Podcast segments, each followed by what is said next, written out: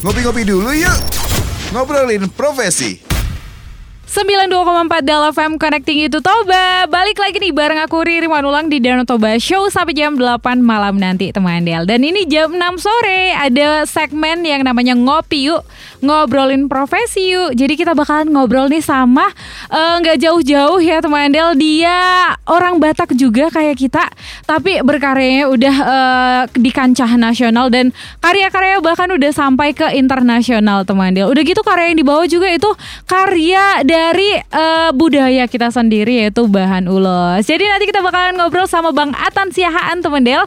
Eh, ini masih kelahiran Bali G ya, yang berprofesi sebagai desainer itu kurang lebih udah 10 tahun dan kamu tahu itu bahan atau material untuk buat eh, mendesain-desain bajunya adalah ulos. Jadi karena udah tersambung di via interaktif, kita langsung aja ngobrol sama Bang Atan Siahaan. Hora, selamat sore. Itu Atan. Ora, selamat sore juga itu. Gimana kabarnya sore ini? Gimana kabar Jakarta itu? Puji Tuhan, baik. Jakarta masih seperti itu. Masih seperti itu ya, seperti itunya masih ngeri-ngeri sedap gitu ya Tok ya. Ah, kok iya ngeri-ngeri sedap. Terus ini eh, kegiatannya gimana Tok jadinya? Terganggu kah gitu? Apakah di rumah aja? Iya, apa namanya? eh, dibilang terganggu, tidak juga. Dibilang enggak, ya terganggu. Tapi ya eh, proses alam lah ini kan bukan cuma Indonesia yang mengalami seluruh Iya dunia, jadi harus bisa dinikmati dan dijalani. Yes, betul sekali. Harus tetap positif lah ya Tok ya. Ya. Oh iya Tok, ini kan eh, kita punya program Ngopi Yuk, ngobrolin profesi. Jadi kita ngajakin itu untuk ngobrolin profesi itu sebagai desainer nih Tok. Boleh, boleh, boleh, boleh, boleh. Nah jadi cerita awalnya itu jadi seorang desainer itu kira-kira apa toh? Apakah dari kecil misalnya udah ada bibit-bibit kelihatan gitu atau gimana toh? Enggak sih dari kecil itu belum ada Oh, belum ada belum. ketahuan kalau bakal jadi desainer. Uh-huh. Eh, jadi desainer itu jauh setelah saya membidangi banyak profesi kerja. Hmm gitu. Iya.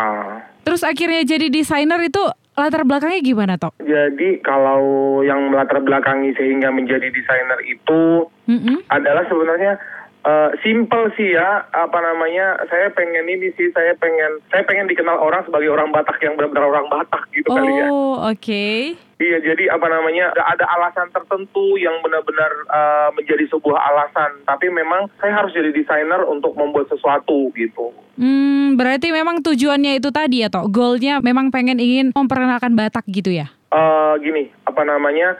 Saya itu menganggap bahwasanya kehormatan saya itu adalah ulos Batak karena saya orang Batak gitu. Hmm. Jadi uh, sehingga ya tertariklah uh, di dunia fashion designer ini yang khususnya ulos gitu. Oke, itu berarti yang membuat akhirnya itu semua untuk dah bahan material untuk kain yang di desain itu semua dari ulos ya toh ya? Uh, sebetulnya sih kenapa ulos itu ada cerita tersendiri lagi. Kalau Oh, tadi kan oke. tanyanya latar belakang. Iya iya benar. Kalau kenapa ulos, nah itu lain lagi ceritanya. Jadi itu kenapa ceritanya toh? Akhirnya itu eh, ngambil bahan dasar itu dari kain ulos gitu.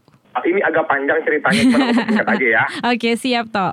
Ya, jadi apa namanya, dulu sebelum berpikiran untuk menjadi desainer itu, saya banyak eh, berkarya bersama teman-teman desainer-desainer dari seluruh Indonesia. Oke. Dan waktu itu saya belum jadi desainer gitu, apa namanya, mas- masih inilah, masih istilahnya boleh dikatakan mungkin pe- pecinta seni kali ya, atau penikmat Hmm. seni gitu ya. Oke. Nah, jadi suatu saat saya pulang kampung nih. Saya saya pulang kampung dan jalan-jalan di daerah Bali G itu yang ada beberapa tempat yang menenun ulos ya, partonon ulos ya. Oke. Eh, apa namanya melihat kok sepertinya perekonomian mereka itu nggak maksimal gitu. Hmm. Jadi bahkan ada ada itu yang eh, bilang anaknya pun bisa putus sekolah gitu kan. Oke.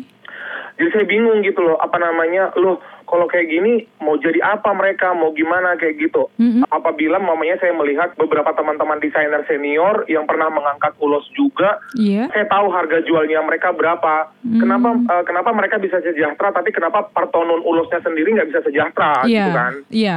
Nah, jadi apa namanya dan dan terlebih lagi ulos ini adalah salah satu kearifan lokal yang sangat luar biasa di Indonesia. Iya benar itu. Ya, jadi ulos ini bukan cuma milik orang Batak ya, tapi milik Indonesia. Mm-mm. Apa namanya? Ini adalah wastra Nusantara yang harus dikembangkan. Nah, berangkat dari situ, Mm-mm. akhirnya eh, setelah pulang ke Jakarta, akhirnya saya mendapat suatu ide. eh, Oke. Kenapa saya nggak mencoba membuat sesuatu yang baru dalam hidup saya? Itu tahun 2009. Hmm. Jadi apa namanya? Akhirnya saya membuat sebuah apa namanya koleksi dari berbahan ulos yang tentunya ulos itu adalah tenunan tangan tradisional Oke. yang dikerjakan oleh teman-teman para penenun dan partonun yang ada di Toba sana. Oke. Nah, apa namanya? Jadi kalau mamanya kita lihat ya, partonun itu dengan dengan pembatik yang ada di Jawa itu semua harus memiliki eh, kesempatan dan peluang yang sama dong, benar nggak? Oke, ya Nah, benar toh. Jadi apa namanya? Jadi tujuan saya adalah kenapa harus ulos? Kenapa jadinya ulos? Mm-mm. Karena saya pengen mengangkat kearifan lokal daerah saya sendiri Mm-mm. dan saya pengen menciptakan pasar untuk para partonun Oke. menciptakan pasar buat mereka dalam artian supaya nanti perekonomiannya mereka itu bisa berjalan dengan bagus gitu. Jadi ketika kita uh, oke umpamanya kayak Ito Burmanulang bisa Iya. bikin baju dari ulos mamanya bawa ke tukang jahit gitu, tapi hanya sebatas Ito aja yang pakai gitu. Tapi Uh-huh. saya uh, saya tuh berpikiran gimana kalau global gitu. Jadi Oke. uh, semua orang bisa pakai dan kebutuhan akan ulos itu bisa kontinuitasnya itu ada gitu Hmm. kan otomatis dengan banyaknya dengan adanya pasar yang kita ciptakan untuk ulos, otomatis para partonun akan kebanjiran order untuk Mhm. me- melakukan kegiatan mereka rutin setiap hari yaitu martonun ulos. Secara nggak langsung perekonomiannya mereka itu akan terangkat karena ya mereka punya penghasilan dengan pasar yang kita ciptakan tadi. Iya. Nah itulah yang saya sedang perjuangkan. Toh. Wow, luar biasa sekali ternyata latar belakangnya, Toh. Berangkat Iya. dari eh, kampung sendiri istilahnya ya. Iya, saya tepatnya lahirnya itu di Bali G loh itu. Di Bali Ge ya. Berapa lama Iya. lah dulu itu eh, sebelum berangkat atau stay di Jakarta, Toh? Di Bali G itu eh, lama ya. Saya lahir 1977 dan Heeh. saya meninggalkan Bali G itu tahun 1997 sampai Oh. sekarang. Tapi sudah beberapa kali pulang kampung, sudah berapa kali juga jalan-jalan ke sana. Oke, berarti udah remaja atau dewasa juga masih stay di sini masih sempat ya, Toh ya? Pokoknya tamat SMA saya ninggalin Bali G itu. Hmm, gitu. Jadi orang tua udah di Jakarta juga, Toh? Orang tua saat ini masih berdomisili di Bali G, dua-duanya masih hidup. Hmm, Tapi oke. eh, selama corona ini mereka terlockdown di Batam, jadi sampai Oh. sekarang masih di Batam udah setahunan. Ada saudara itu di sana Di juga rumah gitu saudara, ya. iya, betul. Oh, gitu. Iya ya, aku jadi penasaran ini Toh. Ini untuk daerah yang tadi Ito sebutkan eh, pastinya kan kalau Ito bahannya dari ulos adalah dari sini diambil. Di daerah mana lah tepatnya itu Toh? Aku pernah ngambil ulos itu dari daerah Luban Gorat. Heeh. Dari tapi nggak banyak karena di sana partonen juga nggak banyak. Terus dari Siguti. Itu di mana Terus- sih Guti Toh? Siguti itu di eh, sebelum Lumban Gorat, jadi ke arah Buntuan sana. Oh, gitu. Terus dari Meat. Iya iya benar benar benar dari sana Iya, juga dari banyak ya. Meat dan ya dari ini dari daerah Taput juga ada sih kayak dari Tarutung juga aku banyak dari Muara, dari Cibandang, dari Samosir juga banyak. Oh gitu ya. Berarti sampai sekarang itu itu masih aktif misalnya mengambil ulos dari Toba ini gitulah ya Tok dikatakan. Masih lah. Wah. Kan menciptakan pasar buat mereka, berarti pasarnya sudah ada dong. Berarti eh, bisa dikatakan misi itu sudah berhasil gitu lah ya Tok ya. Saya bilang belum berhasil karena masih banyak apa pekerja-pekerja seni di bidang di, eh, di bidang desainer ini Mm-mm. eh, yang masih menggunakan bahan ulos tapi yang dari mesin dan printing masih banyak. Oh gitu. Berarti Mirisnya itu di situ. Nah, itu kan Oh. membunuh membunuh para pekerja tradisional, Benar, para benar. pengrajin tradisional, para partono itu kan membunuh mereka. Iya iya.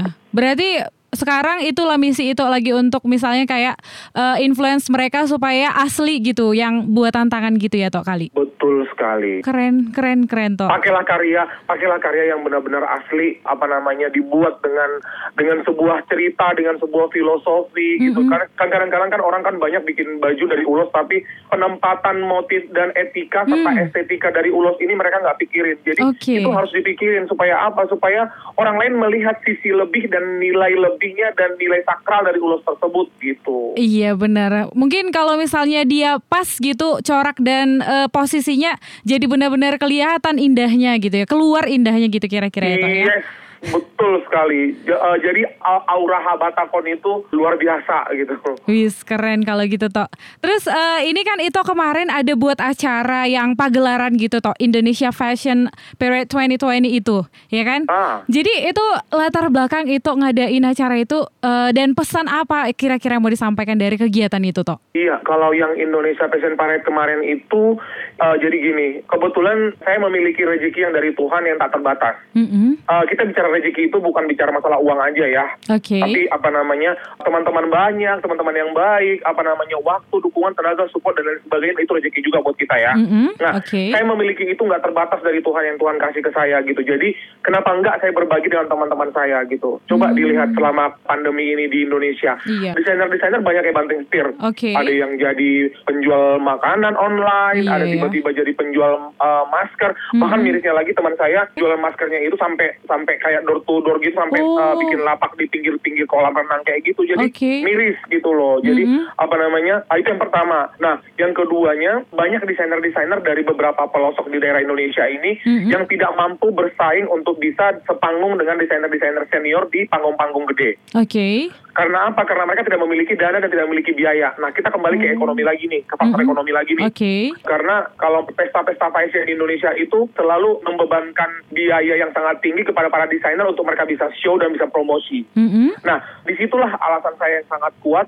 Kenapa Oke. saya nggak bisa buat wadah yang seperti ini, acara yang seperti ini, eh, yang dengan panggung besar, dengan desainer-desainer besar juga, Mhm. tapi teman-teman desainer yang dari daerah-daerah yang tidak memiliki kemampuan untuk itu Iya. bisa sepanggung dengan kami gitu loh, bisa sepanggung Hmm. dengan mereka-mereka yang sudah memiliki nama besar kayak gitu kan. Oke. Eh, jadi semuanya itu saya subsidi, saya mencoba memberikan Oh, mereka itu, jadi gitu. mereka nggak bayar gitu. Jadi Oh. jadi mereka show itu yang mereka datang tinggal datang ke eh, ke acara bawa bajunya, Ha-ha. model semua sudah kita siapin semua, mereka nggak bayar sepeser pun. Jadi Oke. salah satu tujuan saya untuk mengangkat kearifan lokal itu ya di situ gitu loh Hmm. supaya nggak cuman satu sisi yang bisa dikenal orang tapi semua sisi dari seluruh Indonesia dari Sabang sampai Merauke, Miangas sampai Pulau Rote Uh-uh. itu semua punya kekayaan wasra Nusantara cuma mereka nggak mampu dari sisi ekonomi untuk mengangkat itu. Oh. Pertama karena pemerintah nggak mendukung, yang kedua karena memang mereka nggak mampu untuk itu gitu nggak bisa Mm-mm. berbuat apa-apa. Oke. Jadi mati suri ininya wastranya gitu. Nah di sinilah peranan Indonesia Fashion Parade ini Mm-mm. untuk mengadakan sebuah acara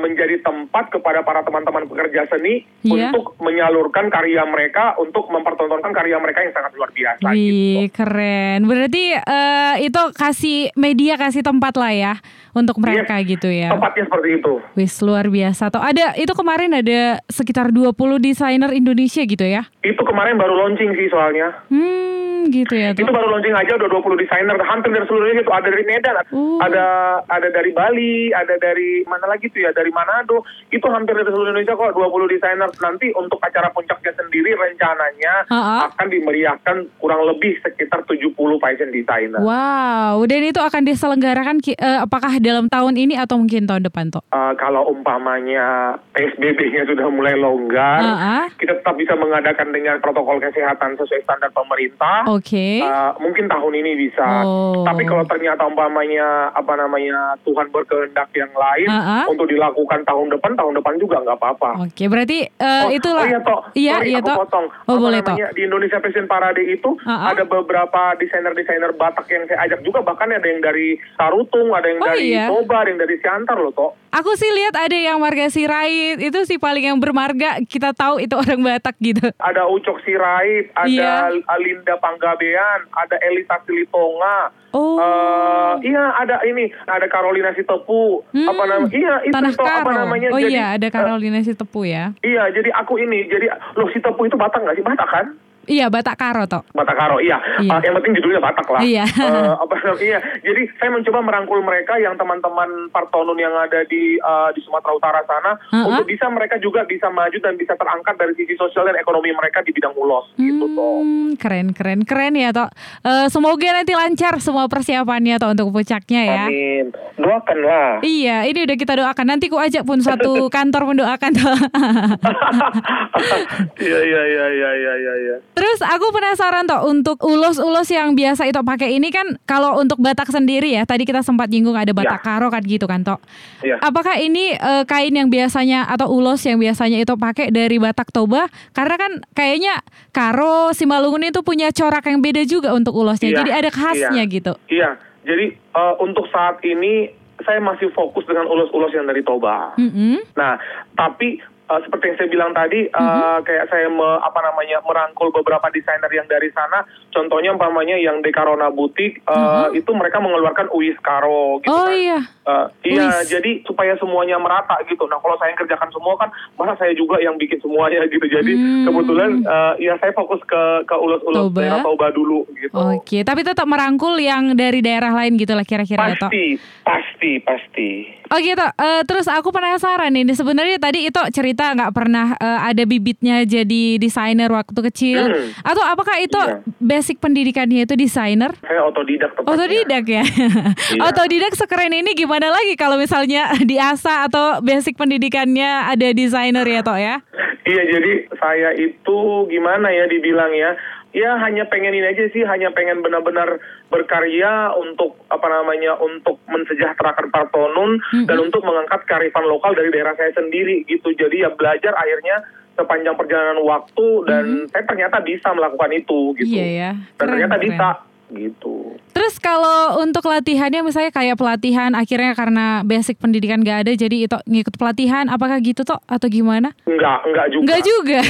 Eh, enggak, jadi apa namanya? eh, saya belajar tentang ulos pun enggak pernah. Itu seiring waktu berjalan baru saya memahami ulos itu. Eh, untuk desain sendiri, ya itu keluar aja ide-idenya gitu. Oh kayaknya ulos ini bisa dibuat begini deh. Oh kayaknya dibuat begini deh gitu. Nah jadi ya eh, dicoba dan ternyata bisa menghasilkan sesuatu gitu. Oke, berarti aku jadi pengen nanya nih sama itu. Kira-kira Ah. dari pengalaman itu selama ini apa sih sebenarnya yang harus dimiliki oleh seorang desainer itu toh? Siapa tahu teman Ya. dia yang lagi dengerin kita kan ngerasa oh Ya. aku kayaknya punya bibit-bibit atau aku tertarik sebenarnya dalam bidang desain gitu supaya makin eh, mengkonfirmasi dirinya gitu. Iya, apa ya? Mungkin berani mencoba kali ya. Mm-mm. Berani mencoba dan jangan pernah berhenti untuk berusaha. Oke. Dan selalulah positive thinking dengan apa yang kita buat gitu.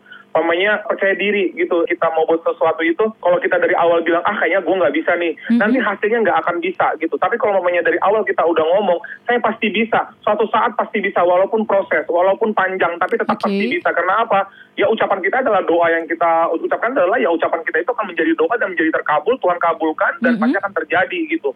Nah orang-orang kan banyak apa namanya yang punya kemampuan, Iya. punya punya talenta yang sangat luar biasa yang Tuhan kasih, tapi tidak berani, tidak berani untuk mencoba dan tidak percaya diri untuk mengeluarkan karya dari dirinya sendiri. Gitu. Oke, itu pesan buat teman Del ya yang mungkin punya iya, buat teman-teman, buat niat-niat gitu ya. teman-teman Del harus Uh-uh. kayak gitu ya, harus harus semangat mencoba dan mencoba. Saya percaya suatu saat nanti akan banyak desainer-desainer dari Toba. Amin.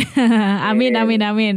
Eh, ngikutin jejak itu Atan ya. Amin. Terus ini yang terakhir toh em, Ah. saran atau tips itu untuk para desainer pemula kayak gitu apa sih yang mereka harus lakukan supaya mereka bisa lebih tinggi lagi terbangnya gitu kira-kira toh. Iya, jadi eh, kalau saran sih ya, saya cerita sedikit. Saya Boleh, dulu itu nggak punya kepercayaan diri eh, ketika saya diundang fashion show di suatu negara. Hmm. Saya nggak pernah berpikir bisa fashion show di situ gitu ya. Oke. Tapi Hmm. dengan segala kerendahan hati saya, saya mau mencoba eh, dan ternyata saya bisa gitu. Jadi buat para teman-teman desainer-desainer pemula Mm-mm. eh, yang pengen bisa eh, eksis di dunia di dunia fashion designer, Mm-mm. kalian semua pasti bisa kok. Kalian pasti bisa dengan kalian jangan pernah putus asa untuk mencoba dan mencoba dan mencoba. Dan hal yang paling penting adalah Oke. syukurin dengan apa yang kamu punya. Talenta apa yang kamu punya dan kamu miliki, kamu harus bersyukur dengan apa yang Tuhan kasih ke kamu supaya bisa berkembang menjadi banyak dan menjadi saluran berkat buat orang lain. Oke siap, makasih banyak itu Atan udah share Iya. untuk kita hari ini. Sukses terus ya itu. Amin. Dan itu dia tadi teman obrolan serunya ya. Aku yakin nih kamu udah banyak dapat motivasi juga ya karena memang eh, sepertinya Bang Atan atau itu Atan ini sangat inspirasional orangnya gitu. Jadi penuh inspirasi, udah banyak dapat inspirasi, motivasi, bahkan bahkan tips atau saran untuk kamu yang mungkin punya cita-cita gitu ya jadi seorang desainer. Jadi semangat terus kayak kata Bang Atan tadi, mudah-mudahan karena kamu sering mencoba, pintar ngelihat peluang, bisa akhirnya sukses kayak Bang Atan. Thank you buat kamu yang udah ikutin ya obrolan kita sore ini dan sampai ketemu minggu depan di obrolan berikutnya di Ngopi Yuk, pastinya dengan narasumber kece lainnya. Tetap stay tune, cuma di Dalam FM. Ngobrolin profesi di Danau Toba Show bareng Riri Manulang Setiap Jumat jam 6 sore cuma di 92,4 Del FM. Connecting you to Toba.